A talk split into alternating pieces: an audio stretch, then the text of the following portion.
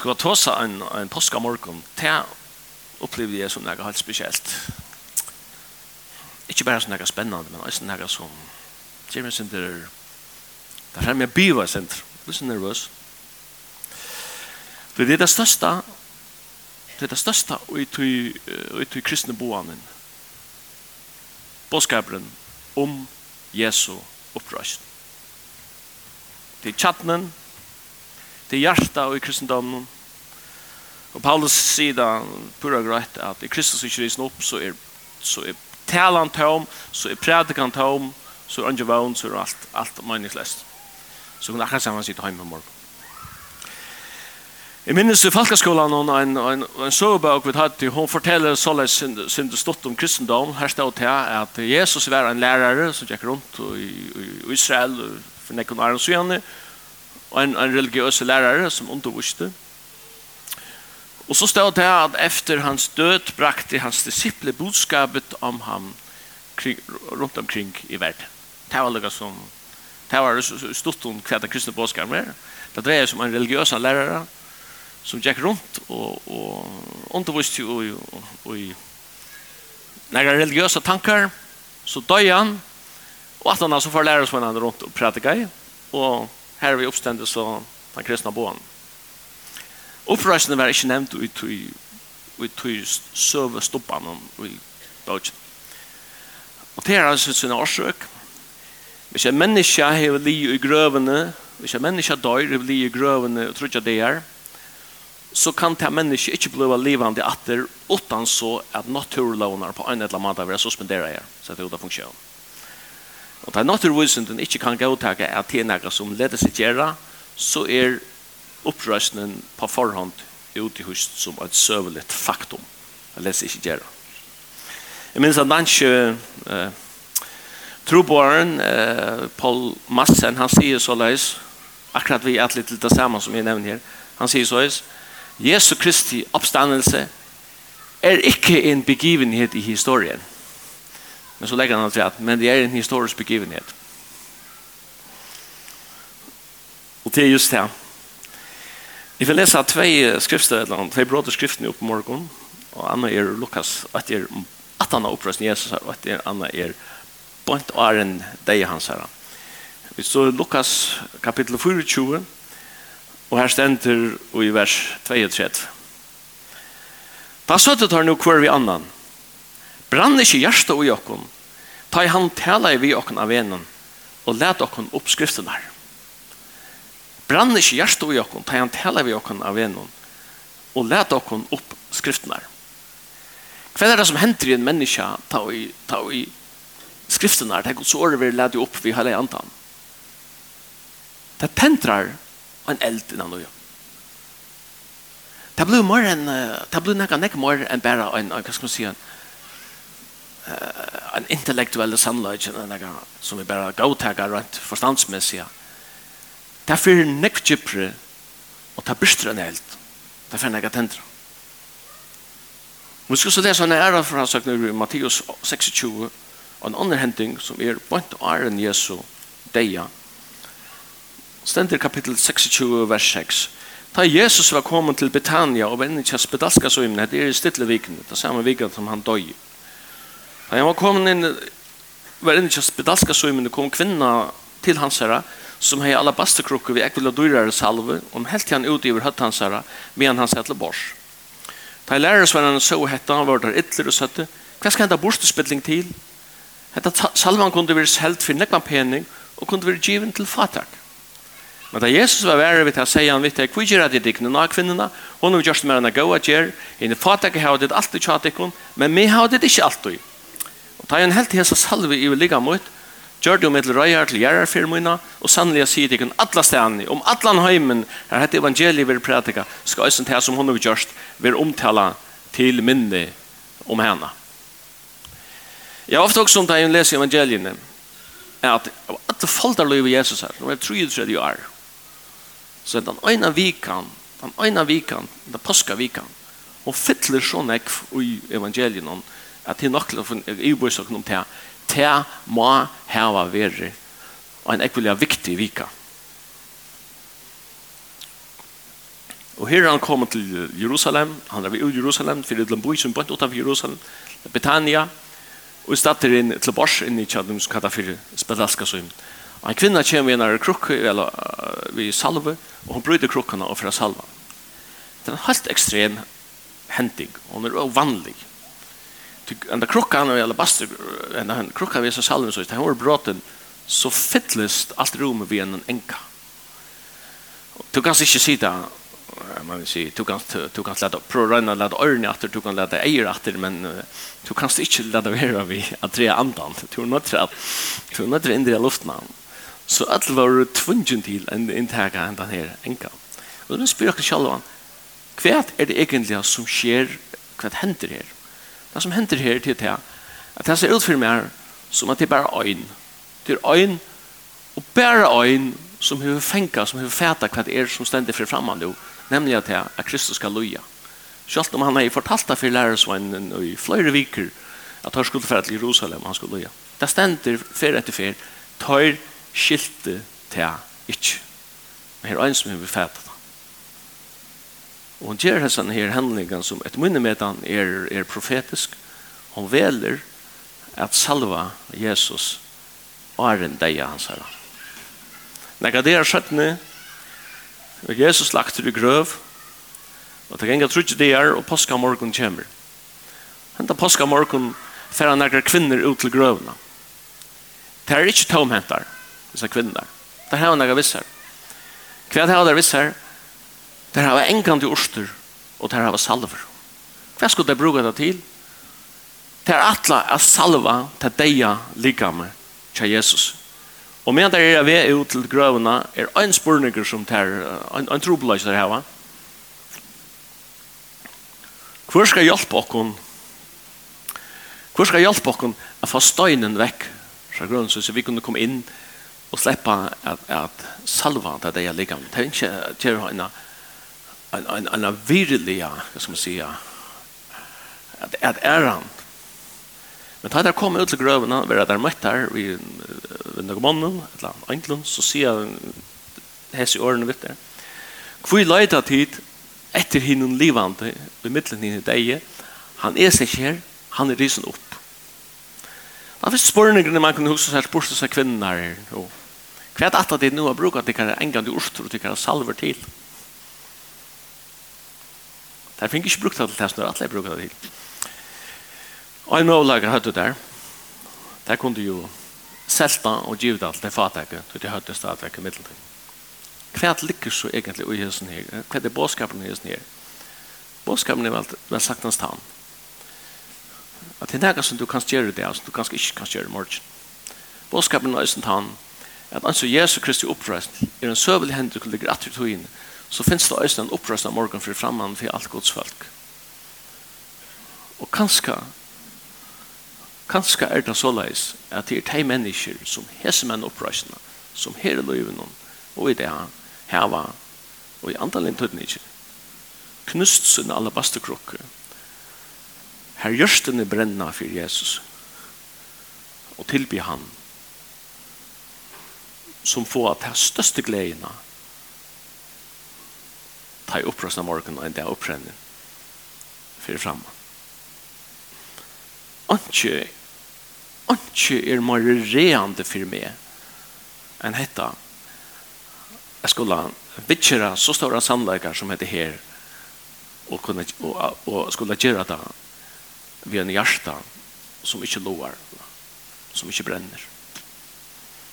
Det er en så reande tanke at jeg sier vi god, at annarkvørst tendra du hjertet i mer etla lukka du munnen kommer. Jeg føler nesten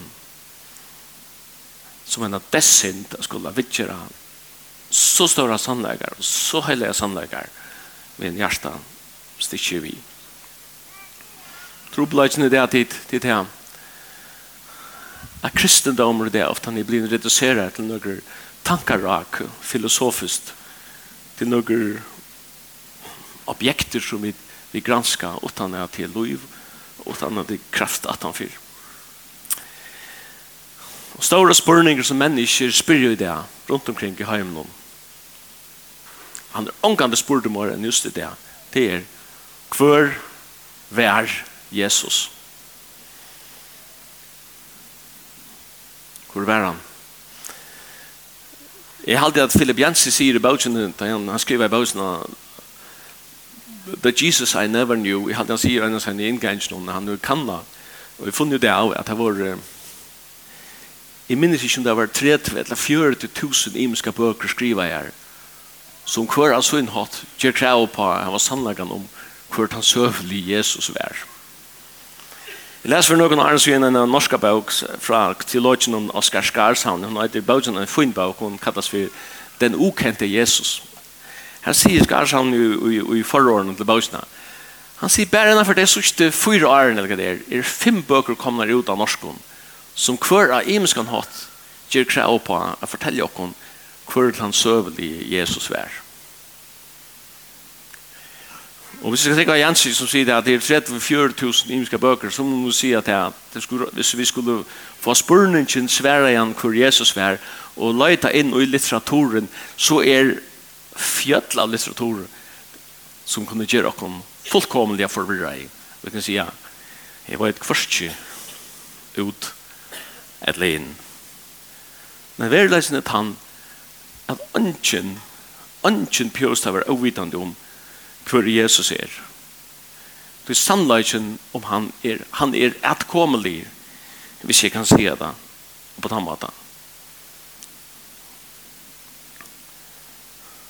Og hver er så sannleikken, hvordan var det fæter av sannleikken om kristologien eller lærerne om hver Jesus er.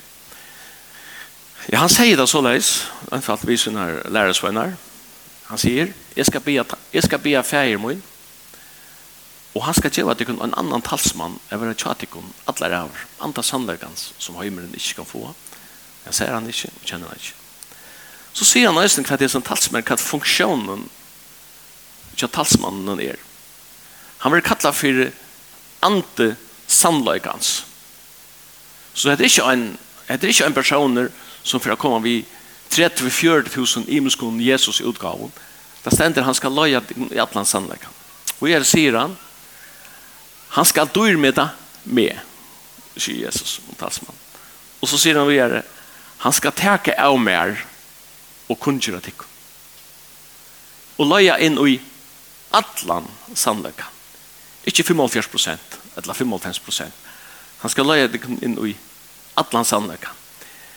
Vi øren åren, kristologi, læren om Kristus, er avhengig av en åpenbering som kommer om man fra. Alt det som kommer og spretter ut fra menneskens fantasi og hva det er, det fer inn i hese her 30-40 tusen imiske meningene som kanskje standa vi og det kommer, det kommer sikkert opp til fløyre og i framtiden. Vi hørte nå en dag en sending ut av førja. Det handler jo om kristendomsfætene til en Det er ikke kristendomsfætene til en ikke nulivande føring. Så jeg lurte vi spenning etter seg her kristendomsfædene. Og det er veldig interessant å høre. Men vi må også bare konstatere at denne sendingen vi har livet, så vet jeg at det er kristendomsfædene tja, det er en person som døg for nekna for Men det er vet jeg at det er omkant i kristusfædene tja, du person. Og jeg falt litt som at jeg var blevet snutter for nekka her. Det kostar kan stå vitcher av utan och tanna fyra til til til det som är kjattnen och hjärtat och ötlen nämligen personen Jesus Kristus. Det är simpelt. En gata för mig. William Booth, som stod med frelsen her, sier det for morgen hundra år, så igjen. Største avbjørnsen til kristendom, det kommande tøyen, er, han sier, han sier, Trygg utan heile andan. Kristendomer utan Kristus. Enderføying. Eller han sier frelsa utan ender, enderføying. han sannsynligvis hever William Booth haft rett at tog som han sier hvis vi vet hvis vi vet i det han skulle två halda om å finna samlarkan om Kristus og avmarska han til okkara vid okkara intellekt. Så det samme lukkna da vi at du sier vi en, en, en husesmed eller en timpermann kan du ikke tega tommastasjen i lomman om og mata gjør, avstanden fra hjørnet til mannen ved tommastasjen det er ikke for kjæreste tommastasjen han kan brukes til det som sier problemet er bare at vi standa i fire noen dimensjoner her er okkara evner og hatt er okkara vid ikkje røkker til. Det skal man laga mor til. Det skal laga utanifra og til det som stender i Lukas 24 brann ikkje hjärsta ui okkon ta han let opp skriftene fyrir okkon av en det var en halsan fra en i RRVR Og det er veldig spurningren så er som raster, jeg faktisk byrja hvor er Jesus. Så er det noen som færre si, som, som færre her til og sier akkurat som akkurat som uh, skolan, lærerbøkken kommer her sier i skolen, smådronker, at han var en religiøs lærer. Så det har sett, det tager han, det tager altså Kristus, og setter han opp av heter stadie, altså et lærere stadiet her til det eksisterer i øsne av samt og Jesus her. Du farserer når du river om hvor han er. Og det er skriftlært. Og så må du til. Han lærer her til og ikke langt. Og så er det ære som fører sin langt og setter til. Lærere er ikke nok. Vi litt han langer opp og sier han er profeter. Men jeg er altså ikke langer enn her til. Og så er det ære som fører opp at det langer og setter. Profeter er ikke nok vi får opp her til, jeg vil si, han er Messias, Kristus. Det er Han som profeterna hade boa, allt fram undan skulle komma. Johannes tror läser vi om en lärare om en en en lärare som en en farsera som kom till Jesus en natt och säger vi han rabbi vid vita vid vita att gjort en lärare. Så här är det. En lärare kom från Gud. Du inte kan göra sitt tecken som som du just åt han är god över. Så egentlig vi er ser det ut for som Nicodemus hei kunne bevege seg her til at han kunne lytte Jesu opplever en lærer og ikke morgen til. Vi leser en sann om en annan fariserer som bjør Jesus til bors kom inn og et annet måltid som vi undrer seg måltid inn i hendene her som sekund han fariserer han undres. Da kom en kvinne inn som er syndafull og for å salve føder Jesus her. Og fariseren hadde en, en, en, en største trykk på at her at synd synd, det, ble nekka, det var nekka som ble iverførst vi fysiskar berøring. Så det hendte kvinnan som er en syndafått kvinna kom inn, Vi er ja, salva føder Jesus her, vi salve, og hon vattet der vi tar hans inn, og torsket der vi har hans inn, og at han let henne nesta vi fødene her, utan protest, så sier for seg her, vissi han være en profeter, jeg har mistidgen med nekka så grusomt, Hvis han visste han var profeter, så visste han også hvordan kvinnan er. Og hette bare tanker han. Men tankene er lysner. Og mer og Jesus sier vi, han sier, Simon, jeg var jo godt hvordan kvinnan er. Det var ikke som, han leste tankene, jeg var jo godt hvordan er. Men han sier, Og med mer så lant jo ut pening, åtte penger til gård, så tvøy, men en skilde i halvtrusjte nære, en skilde i 500. Hver som ofte jeg betaler vi, så han gav dem alle skuldene etter. Hvorfor elsker han mer? Så sier, så, så sier far sier, ja, han som fikk mer etter 20, han må for forelske mer. Så, du dømte rett. Ikke kvinnen. Anfalt, øyelig anfalt. Så, fariseren heter fattene av Jesus vær, og en profeten ikke morgen. Hvis du spyrst muslimer i det, hvis du spyrst muslimer i det, hur heldet du Jesus var og du kommer til förslanden at han var en lærer så sier jeg der nei det er ikke nok det er ikke noe mye det er for lite vi trykker for at Jesus er den største profeteren at han har Mohammed og for jeg sier det bare stort man ser det akkurat som det er det at muslimer en fjölda muslimer er det har var hakre Kristus bekjennelse i det en ek såkallet kristen som ikke vil kåre Jesus langer opp enn til å være en lærere. Til en, til en grunntanke ut i muslimske lærerne i Koranen at Jesus var, var en profet. Jeg satt en dagen og les en bok som heter Jesus, skriver av tyska professoren i teologi, Rudolf Bultmann. Så jeg leste den ikke at det er noen tilhengere av Bultmann lengt fra tog. Han er en liberal teologer, og Men jeg sitter og leser bausen av Jesus, så stender her. Så skriver han, jeg trykker vi omgang til, han sier, jeg trykker vi ikke at Jesus selv oppfatter jeg seg som verande Messias. Og så akkurat som jeg tar, jeg, tar leser det her, det er sånn større til åkeren sier at jeg halde ikke Jesus nærmere, det helst selv om verande Messias. Da tok jeg, da tok jeg, bare sånn, jeg leier han her, og jeg sitter med å spekulere, altså. Hva er det? gonger fyrir seg her, altså. Og vi får også om Matteus 16, vi kusserer Filippi, ta Jesus sier vi lærer oss hverandre. Kvann sier falt mennesker sånn vera. Og Peter sier vi han, du er Kristus, sonernes livande gods, og Jesus sverre han, sæler erst hos Simon, soner Jona. Du holdt og blå, hur ikke åpenbæra dette, men feir min, som er i himmelen. Etla da han sitter ved en brunn i Samaria, og taler ved en kvinne, og kvinnan, eh, for det som tilbyr han, så sier Herren, eller så sier Herren, kvinnan ved Jesus. Jeg vet at Messias kommer, han som kallas Kristus, da han kommer, ta for han og kunngjør okken alt. Og så sverar herren natter. Teri er han som talar vitt. Alltså. Kan det siast mer bant ut? Kan det siast mer direkta? Hur kunde man så säga det som här var rättliga stora teologer som säger att Jesus uppfattar inte omkant och at det er atter problemet ved Thomas-tasjonen, og det er med 30-40 tusen imuske meninger. Ja, hvis vi ikke får en oppenbering om han fra, så vera vid verande ui myskrenon.